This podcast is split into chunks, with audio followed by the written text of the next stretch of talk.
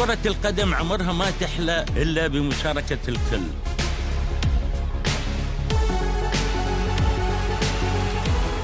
ولما نقول الكل يعني الكل كأس العالم من حق أي إنسان بالدنيا أن يحضره back in play.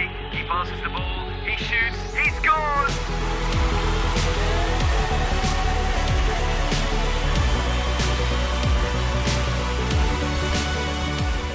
فلما تقول كرة القدم للكل يعني للكل. المونديال ما بيحلى إلا بمشاركة الكل والكل يعني الكل كما قال.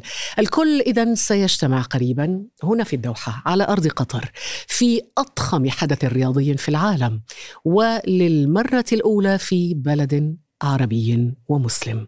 فرصة لا تأتي في العمر كثيرا. دكتور نايف بن نهار أهلا وسهلا بك. مرحبا بك أستاذة خديجة. أنت مدير مركز ابن خلدون للعلوم الاجتماعية والإنسانية في جامعة قطر ونحن سعداء بك في البودكاست. لأول مرة ربما صح؟ وأنا سعيد أي نعم لأول مرة إن شاء الله. ومصور هذه المرة. إن شاء الله. تكون كذلك عادة البودكاست مسموع ولكن نحظى بك هذه المرة في الفودكاست. دكتور نايف بن نهار الكل يعني الكل يعني الكل سيكون موجود في الدوحة. هذا شيء يفرحنا ولا نضيق ذرعا بأن يأتي الكل إلى قطر يعني من مختلف الجنسيات ومن مختلف الثقافات ومن مختلف الأديان ومن مختلف الاتجاهات. أهلا وسهلا بالجميع في في قطر. آه، لكن أيضا وفقا لهوية البلد ودستورها وثقافتها. يعني قلت من مختلف الثقافات. خلينا نتوقف عند هذه الكلمة. أي نعم. الكل سيكون موجود من مختلف الثقافات ودولة قطر أيضا لها ثقافتها وثوابتها وهويتها وشخصيتها. لو نتحدث عن هذه التظاهرة الرياضية العالمية الكبرى ليس كتظاهرة رياضية ولكن كتظاهرة ثقافية. فينا نقول أنها تظاهرة ثقافية؟ هي في عمقها تظاهرة ثقافية. كيف؟ يعني حتى وان تجلت هي يعني المعروف إنها بطولة كأس العالم لكن هي في حقيقتها ثقافية. لأن أصلا حتى لو ترين التحديات التي تثار على قطر والحملات التي توجه لقطر هي في عمقها ثقافي متعلق بالحقوق. مثلا حقوق العمال حقوق العمال مسألة ثقافية. من الذي يحدد هذا حق وهذا ليس بحق؟ آه، آه، ما يتعلق بحقوق الشاذين ما يتعلق بال حتى التحديات الثقافية إن علاقة قطر ب- ب- بالثقافة وحتى التحديات التي تواجه داخليا يعني في حراك المجتمع نفسه تجاه كأس العالم الأسئلة التي تثار هي أسئلة ثقافية. فكأس العالم طيب مهما كان أنا ألاحظ أنه أنت حتى في اختيارك للمصطلحات دقيق أنت تقول حتى فيما يتعلق بحقوق الشاذين أو الشواذ ولا تقول مثليين. هل في هذا أيضا خلفية ثقافية؟ اي طبعا أنا إنسان أنتمي إلى هوية ثقافية معيارية تخبرني بأن هذه الممارسة خاطئة. فأنا لست محايدا تجاهها، الإسلام. أخبرنا أن هذه م- ممارسة مرفوضة شرعا. وأنت فإن- ستستقبلهم. أنا أستقبل من أستقبله كشخص لكن لا أسمح له بممارسة هذه الأمور، أنا أتكلم الدولة المفترض أنها لا تسمح بممارسة هذه الأمور. لأنها مخالفة لقانونها ودستورها،. وبالتالي أي دولة في العالم يعني إذا كان لدينا فرنسا فرنسا لا تسمح بالآخرين للآخرين بأن يخالفوا القيم الفرنسية أو ما يسمى القيم الجمهورية وهي قيم بعضها يخالف مم. القانون الدولي ولا وليس منسجما مع القانون الدولي ومع ذلك تفرضه على الآخرين فما بالك وفيما يت- حينما يتعلق الأمر ب- بالثقافات الأخرى أو غيرها لا بالعكس مم. طب أفهم من كلامك دكتور نايف أنه كل الحملات التي تتعرض لها دولة قطر بسبب المونديال خلفيتها ثقافية؟ أنا أعتقد أن الأمر يختلف من من على حسب من ينتقد. آه، الدول الأوروبية غالبا هي مشكلتها مشكلة ثقافية لأن الدول الأوروبية إلى الآن كثير منها وكثير من النخب الأوروبية لا تؤمن بأن هناك أصالة ثقافية للأمم الأخرى مم. هم يعتقدون أنهم هم أصحاب الأستاذية الثقافية، الآخرون يجب أن يتلقوا من خلالهم ما هي القيم، ما هي آه، آه، المعايير التي يجب أن تستند إليها الثقافات، وبالتالي الأوروبي لا يتفهمك حينما تقول أنا لدي ثقافة مختلفة، أنا لدي معايير مختلفة، من أنت حتى يكون لك ثقافة مختلفة؟ من أنت حتى يكون لك معايير مختلفة؟ هو يريدك أن تتفهم حينما يريد أن يفرض عليك ما يسمى بالقيم الجمهورية في فرنسا، يريدك أن تتفهم اللائكية. مع أن اللائكية تجربة خاصة بفرنسا، لا توجد دولة أوروبية أخرى تشاركها في هذا الأمر، ومع ذلك تصر فرنسا على أن تفرضها على الجميع، وتصر على أن تلزم أئمة المساجد وغيرهم بتغيير آه، آه، آه، الشريعة الإسلامية التي تنسجم مع القيم اللائكية. طيب لكن فرنسا المشكلة لماذا ليست فقط فرنسا لديك ألمانيا حتى لديك فرنسا ألمانيا، لديك الدنمارك لديك. السويد لديك الدول كثيرة هذه الدول لديها مفهوم لا يروج لدينا،. مفهوم مختلف، هم هم يتحدثون عن مفهوم الاندماج الثقافي. لا يتحدثون عن التعددية الثقافية لاحظي.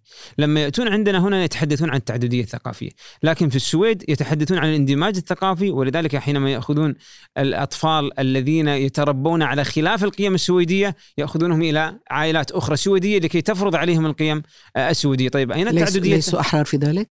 لا ليسوا احرارا في ذلك، أين التعددية الثقافية؟ مم. أين حرية هذه الأقليات سواء مسلمة أو غير مسلمة في أن يفرضوا ثقافتهم على أبنائهم؟ أنا إذا كنت أريد ابني أو ابنتي لا تشرب خمرا، ما علاقة الدولة السويدية لكي تتدخل وتقول لا أنت لا تفرض عليها عدم شرب الخمر، هذه ثقافتي أنا أربيها كما أنت تربيها على آه، آه، ثقافتك ومعاييرك الأخلاقية، أنا أربيها على ثقافتي، هل يعقل الآن أنا؟ لدينا مثلا بعض القطريين مثلا الذي أخذ الجنسية قطرية وهو مسيحي مثلا. طيب هل أنا الدولة هنا تأخذه وتأخذ ابنائه منه وتقول لا أنا تعال أنا أضعهم في عائلة مسلمة لكي لكي يتربوا على القيم الإسلامية ما يمكن هذا الأمر. كل إنسان حر في أن يخلق الثقافة التي يريدها لأبنائه ما دامت لا تخالف ال- ال- ال- ال- ال- القانون الدولي على الأقل يعني الحد الأدنى للقانون الدولي. القانون الدولي لا يلزمك بأن تربي أبنائك على الثقافة الأوروبية. آه، طيب بعيدا عن السويد لنقارن قطر بدولة استضافت المونديال قبل قطر وهي روسيا هل تعرضت روسيا لنفس الحملة المعادية أو الحملات المغرضة ضد روسيا خلال استضافتها للمونديال ثقافيا وسياسيا هو بالنسبة لروسيا هناك اشتراك حضاري بين الروس والأوروبيين وإن كان هناك اختلاف سياسي وجذري بين الفريقين. تعرضت روسيا لحملات لكن ليس كالحملات التي تتلقاها قطر. والخصيصة التي تميز قطر كونها دولة عربية دولة مسلمة أكيد لها استحقاقات كبيرة جدا على آه، استضافة كأس العالم. لكن بشكل عام كأس العالم ليس حدثا رياضيا. كأس العالم أكبر من الرياضة كأس العالم أكثر الدول أو معظم أو كثير من الدول التي استضافت كأس العالم لم كانت لديها غايات أكبر من الرياضة. يعني مثلا جنوب أفريقيا لما استضافت كأس العالم كانت تريد أن تبين للناس التحول الحضاري الذي حصل في جنوب أفريقيا بعد أن انهوا نظام الفصل العنصري آه، في عام 1994 بعد ذلك قالوا نريد أن يرى الناس هذه هذا التحول الحضاري واستضافوا كأس العالم لهذه الغاية وهي غاية أكبر. وربما كانت أول مرة إفريقيا تستضيف فيها أول مرة المونديال. أول دولة أفريقية كانت جنوب و... أفريقيا. وأيضا العالم العربي والإسلامي هذه أول مرة وأوروبا استضافت 11 مرة المونديال من بين 22 مونديال نظم منذ الثلاثينيات. يعني هذه فرصة بالنسبة لدولة عربية مسلمة لأول مرة في التاريخ تنظم المونديال أنها تبرز هذا الوجه الثقافي لها.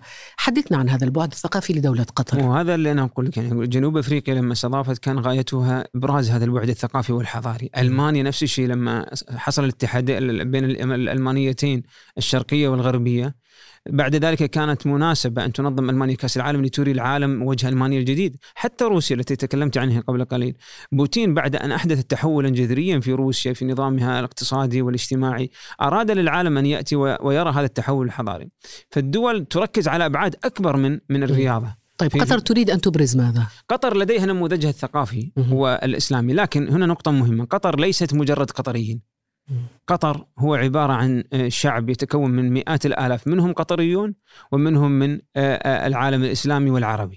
يعني نحن في قطر السكان ممكن 300 ألف لكن لدينا مئات الآلاف من ال- ال- ال- العرب المقيمين ومن المسلمين المقيمين. هذا عليهم من الواجب ما على القطريين أنفسهم. لا يوجد فرق بين ذلك لأن القطري لأن القطريين والهؤلاء العرب والمسلمين كلهم في النهاية مطالبون بتقديم نموذج عربي إسلامي.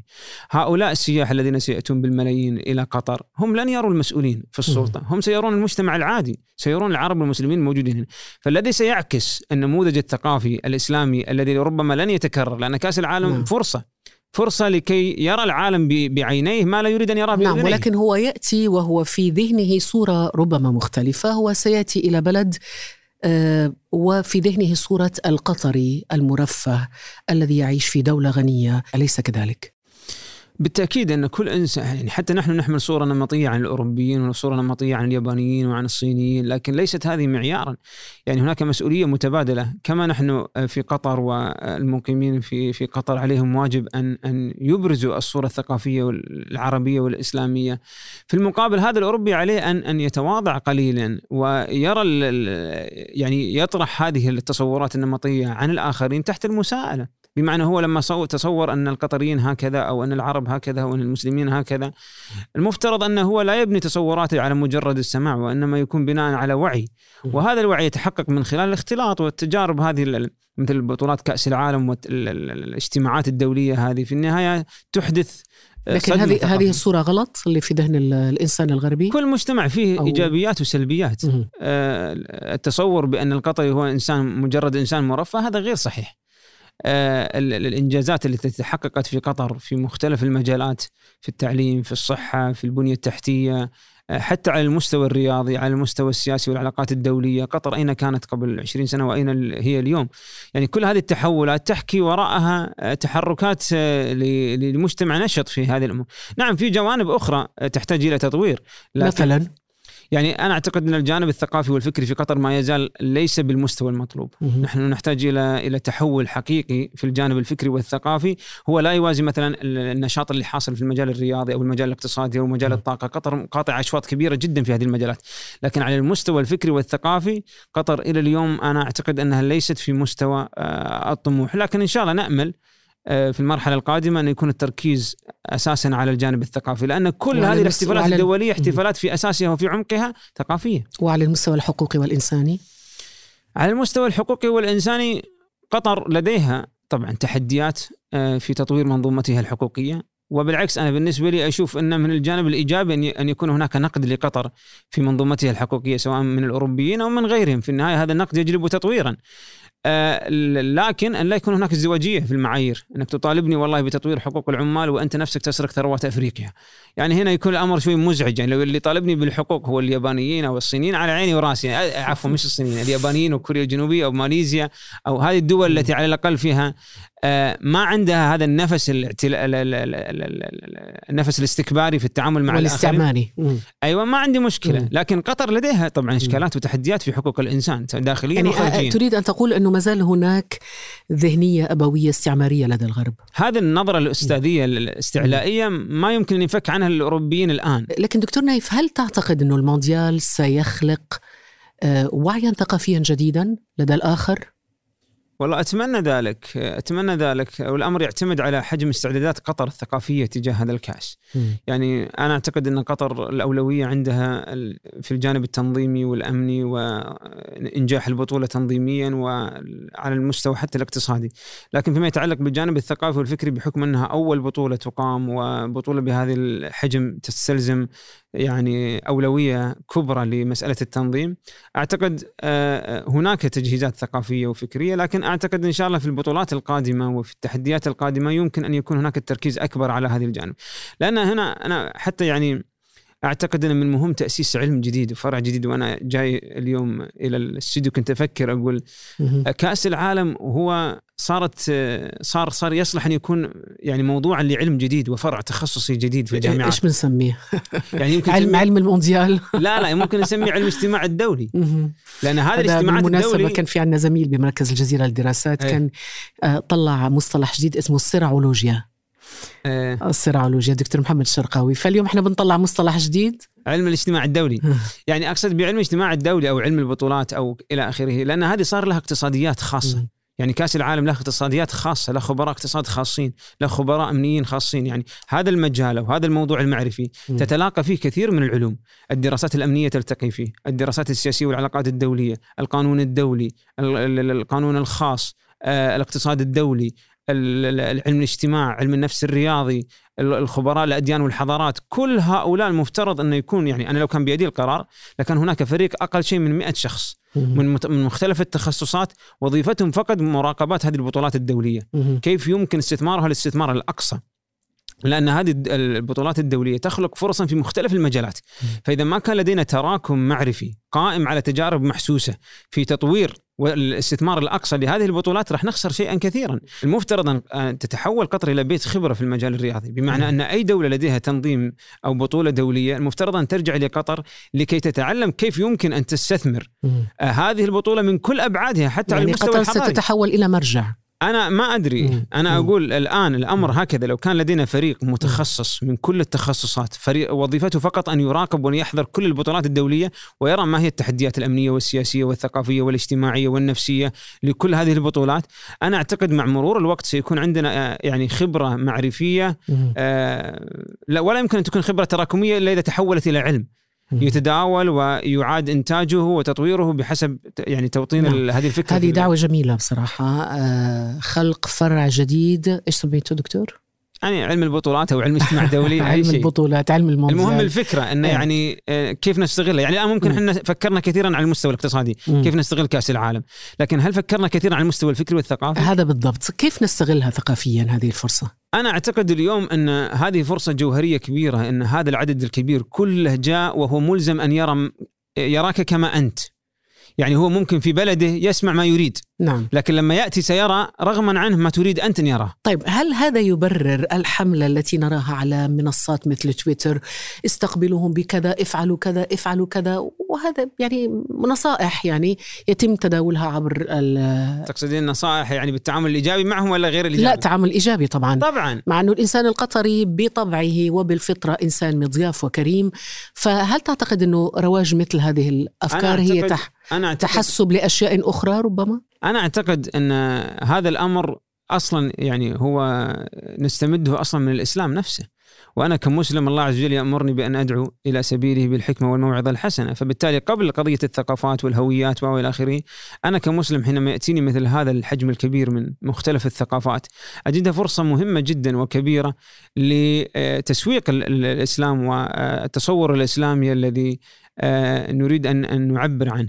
فليست هي أزمة هي حل هذا التنوع الثقافي والانكماش ومحاولة الانعزال آه، والبعد عن هذه البطولة بحكم أنه والله ممكن يحصل يحصل فيها سلوكيات خاطئة أو شيء من هذا القبيل. هذا خطأ. بالعكس المفترض أن تكون هناك مبادرة والتفاعل مع هذه الحشود الكبيرة ومحاولة خلق تصور ثقافي آخر غير الذي يستبطنه الوعي الأوروبي أو حتى الوعي الشرقي عن آه، الثقافة الإسلامية. الآن حصول سلوكيات خاطئة في كأس العالم أمر متوقع. لكن في فرق بين شرعنة الخطأ ووجود الخطأ. وجود الخطأ أمر طبيعي أنت سيأتيك أكثر من مليون إنسان مليونين الله أعلم هؤلاء في النهاية من مختلف قطعا قطعا ستخرج منهم والجنسيات والأديان والمذاهب والطوائف والثقافات وال كل هذا التنوع كيف تتعامل معهم؟ هذا كل التنوع الذي تذكرينه أستاذة خديجة آه سيخلق بالضرورة سلوكيات لا يرغب بها المجتمع. لأن على الأقل ما أراه أنا خطا هو لا يراه خطا عرفت؟ فبالتالي أنا ما ما أقول إنه لا توجد مشكلة في هذه السلوكيات الخاطئة، يجب أن تواجه هذه السلوكيات الخاطئة من قبل المسؤولين عن هذا الأمر، لكن أنا عندي مشكلة مع إذا إذا وقع سلوك خاطئ أن يروج له على أنه كأنه مشرعا، لا في فرق. لدينا دولة. طب الخط الفاصل وين؟ الخط الفاصل في في إقرار الدولة، إذا أقرت هذا الخطأ يصبح هناك شرعا لهذا الخطأ. وربما هذا ما قصده وزير الخارجية قبل أيام وزير, وزير الخارجية آه، تكلم بصراحة قال يجب على الآخرين أن يحترموا ثقافتنا كما نحترم ثقافتهم ويجب عليهم أن يحترموا قوانيننا كما نحترم قوانينهم وهذه نقطة جوهرية بمعنى إيش قطر لا يمكن أن تفصل هويتها على مقاس رغبات الأوروبيين مم. لا يمكن أن تكون هويتنا في قطر بناء على ردود الأفعال. ماذا يريد الغرب؟ إحنا نريد في النهاية. الغرب تغير اليوم نحن نتغير معه. اليوم هو يريد للشادين أن يكون لهم حقوق نحن نريد. غدا يتطور ويريد أن مثلا يجعل المخدرات من حقوق الإنسان نجعلها كذلك. آه، ربما يتطور أكثر ويجعل مثلا من من من حقوق الأطفال تغيير جنسهم وبالتالي يجبرون بهذا الأمر وإلا كنا مخالفين حقوق الإنسان. لا يمكن لهوية قطر أن تكون مبنية على ردود الأفعال. هي أنت لديك دستور. هذا الدستور لكن هم يريدونه بناء على ما نقرأه ونسمعه. هم يريدون الذي يريدون يعني القضايا التي ذكرتها كحول مخدرات شذوذ محاربة التلوث ال- حقوق العمال وغير ذلك. معليش هو يريد الذي يريد. أنت في النهاية عندك دستور حدد هويتك. مم. قطر آه، في دستورها في المادة الأولى من الدستور تقول قطر دولة عربية ودينها الإسلام. مم. الدنيا كلها لو تقوم وتقعد هذا الأمر ما يتغير. في النهاية لا القانون الدولي القانون الدولي يقف معك لأنه لا يلزمك بتغيير هويتك ويعطي للشعوب الحق في تقرير مصيرها الثقافي والسياسي. فبالتالي لا يوجد أحد يلزمك إلا هؤلاء. فقط. وهؤلاء لا يمتلكون الصلاحية كي يلزموك وتغير. هم في النهاية لهم الحق أنهم يصرحوا كما يريدون وأن يكتبوا كما يريدون وأن يتحدثوا عن أحلامهم كما يريدون لكن في النهاية الواقع يحكمه دستور. لكن هناك واقع يقول أنه إن لم تفعلوا ذلك سنقاطع. من هذا الذي قال؟ حملات هذه نسمعها كثيرا هذه نسمعها كثيرا لكن لا يوجد أي نص قانوني. لكن هناك هناك مغ... هناك قرارات لرؤساء بلديات بمقاطعة بث المونديال في ال- ال- الفان زون ال- هذا هذه احرار لا. نستطيع أن نلزم الناس بأن يروا كأس العالم لكن ثقي تماما كلهم سيرون كأس العالم. الذين قاطعوا والذين لم يقاطعوا سيرون كأس العالم. مع أني أنا لست من هواة الرياضة لكن أعرف هوسهم في في الرياضة. هذا لا لا, لا يعنينا بالشيء. أنا على الأقل كمواطن في في هذه الدولة أعتقد إن من واجب الدولة. أن تحمي هوية الدولة وهوية الدولة أعظم من كأس العالم هذا حدث لمدة شهر وينتهي وبالتالي ميزتك كدولة مستضيفة لكأس العالم أنك دولة عربية مسلمة. هذه لأول مرة تحصل أن دولة عربية مسلمة تستضيف كأس العالم آه، لكن دكتور نايف كيف يمكن لقطر أن تستغل هذه المناسبة لتصدير صورة عن هويتها وثقافتها وشخصيتها كبلد عربي مسلم؟ أعتقد أن أول نقطة يجب أن تكون هو أن توضح الدولة بشكل واضح جدا. أن هذا البلد بلد مضياف يرحب بالجميع في هذه البطولة الدولية لكن وفقا لهويته وفقا لدستوره وفقا لثقافته على الجميع أن يأتي وهو مرحب به لكن وفقا لهذه الخطوط. إذا أعطت الدولة رسالة واضحة للجميع أن لديها هوية يجب أن تحترم هذه أول رسالة سيتلقاها المجتمع الدولي بأن هذا البلد س... هذا البلد يحترم ثقافته ويحترم هويته.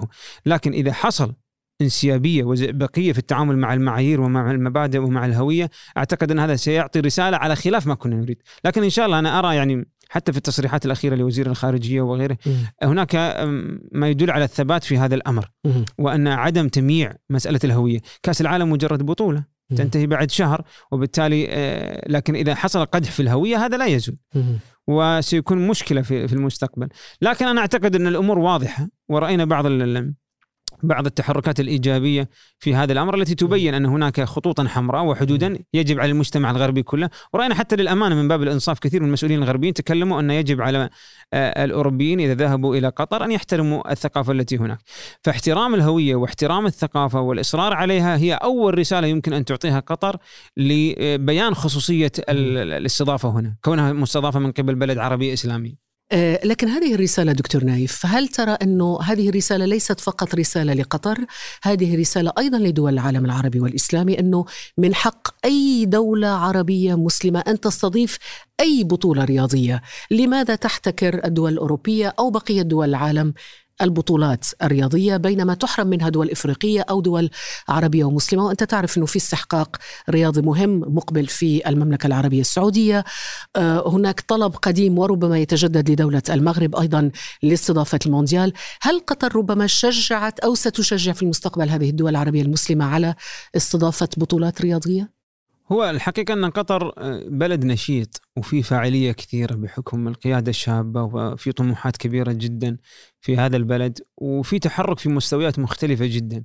هذا النشاط والحركة لا شك أنه آه، سيؤثر ويعدي إذا صح التعبير آه، دول أخرى. والدول عدوى, عدوى جميلة. عدوى إيجابية. إيجابية والدول أصلا هذيك أصلا لديها أصلا استراتيجياتها ولديها طموحاتها الخاصة في أن أن أن يكون لها أيضا شأن في هذا هذه المجالات. لكن لا شك أن قطر فتحت الشهية لكل الدول. وأنا هنا أقول أن إن إن إذا كان يظن الآخرون العرب والمسلمون عموما أن هذه البطولة خاصة بقطر فهم آه، خاطئون في ذلك، هذه البطولة ليس أقولها مجاملة ولا مداعبة للعواطف لكن هي فعلا لكل العرب والمسلمين، هذا الغربي الذي أو الصيني أو المشرقي الذي يأتي إلى إلى إلى كأس العالم في قطر هو لا يستحضر أنه جاء إلى خصوصية قطرية، هو في بذهنه ووعيه البعد العربي الإسلامي. فبالتالي مسؤولية نجاح هذه البطولة وأنها تعكس النموذج الثقافي الإسلامي هي ليست مسؤولية القطريين فقط. مشكلة لو كنا نعتقد أنها مشكلة القطريين فقط. هي مشكلة العالم العربي أو تحدي العالم العربي الإسلامي كله. يجب أن يساهم في نهضة هذا. ونحن لدينا عرب ومسلمون يقيمون في هذه البلد أكثر من قطريين.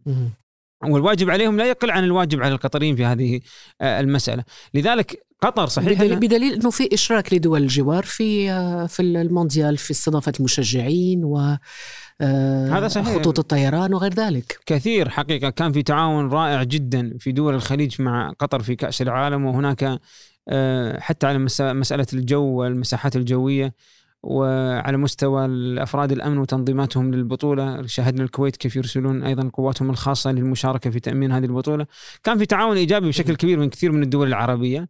والحمد لله يعني أنا أعتقد أن على المستوى التنظيمي والامني الأمور مستقرة ولكن نطمع أكثر بان يكون هناك توظيف أقصى واستثمار أكبر للبطولة لكي نستثمر كل الفرص التي تتيح مثل هذه البطولات. في هذا السياق دكتور نايف بالنهار هناك نشاط ثقافي مميز ومكثف وكبير جدا هذه الأيام على مستوى كتاره الحي الثقافي كتاره على مستوى الجامعات على مستوى المدارس على مستوى نشاط المثقفين على منصات التواصل الاجتماعي. حدثنا عن هذا الجانب الثقافي المرافق للاستعداد للمونديال حقيقة أن معظم المؤسسات اللي يمكن كلها اشتغلت في البعد الثقافي لكأس العالم بشكل أو بآخر يعني المؤسسات الأكاديمية أخذت البعد الأكاديمي والمؤسسات الثقافية الأخرى أخذت البعد المعرفي العام.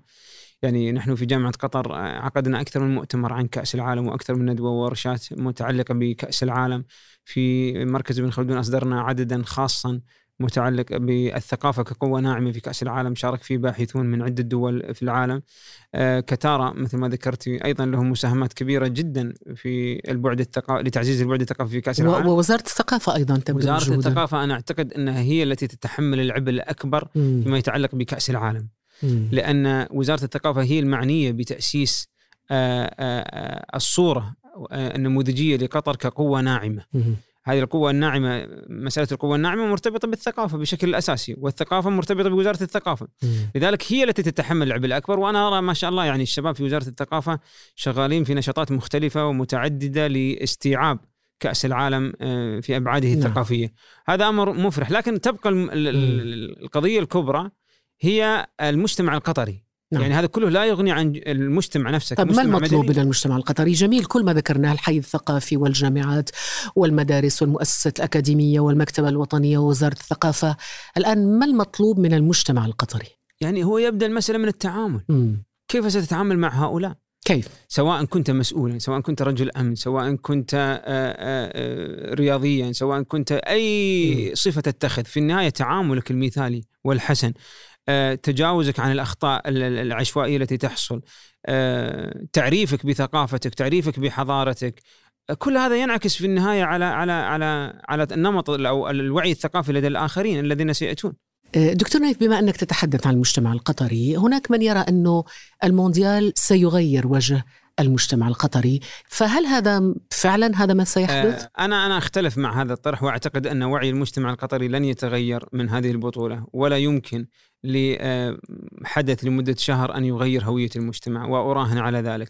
أنا أعتقد أن المجتمع القطري متشرب لهويته، حريص على دينه ويغار على ذلك، ونحن رأينا في في كثير من المناسبات كيف المجتمع القطري يتفاعل على كل المستويات حينما تمس هويته بسوء. فأنا آه، الذي يتصور أن المجتمع القطري بعد كأس العالم سيحصل له تغير في هويته هذا واهم وهذا مخطئ وقضية أنه سيتقبل حقوق الشاذين وغير ذلك أنا ما أعتقد ذلك ابدا. آه، أنا العكس. أنا أعتقد أن الدولة وليس حتى المجتمع فقط أن الدولة بعد كأس العالم سيكون لها استراتيجية مختلفة في التعامل مع مسائل الهوية، سيكون هناك تركيز أكبر على التحديات الاجتماعية، سيكون هناك تركيز أكبر على التحديات الثقافية، هذا هذا أنا متفائل فيه وامل أن قطر بعد كأس العالم وبعد الانتهاء من هذا الأمر أن تعيد بناء استراتيجية خاصة في التحديات الاجتماعية والثقافية التي لا تواجه قطر فقط، تواجه العالم كله، لا سيما العالم العربي. نحن نحتاج إلى هذا الأمر، فأنا أعتقد بالعكس أنا أعتقد ستكون هناك ردة آه، ردة فعل تجاه هذه البطولة نراها بشكل أكبر بعد كأس العالم تجاه تعزيز الهوية وليس العكس. آه إذا المجتمع القطري لن يتغير بعد هكذا المونديال أراهن. بهذه النظرة تراهن نعم أراهن على أنا ذلك. أراهن معك الله يبارك فيك. أنه لن يتغير وبهذه النظرة الاستشرافية الجميلة ننهي هذه الحلقة من بودكاست بعد أمس وحكايات المونديال شكرا لك دكتور نايف بن نهار مدير مركز ابن خلدون للعلوم الاجتماعية والإنسانية بجامعة قطر شكرا لك أستاذة خديجة على هذه الاستضافة وكنت سعيدا بمناقشه الأبعاد الثقافية لكأس العالم. بارك الله فيك الله يسلمك ويعافيك. شكرا لكم أنتم أيضا متابعي هذه الحلقة من برنامج بعد أمس أطيب المنى وإلى اللقاء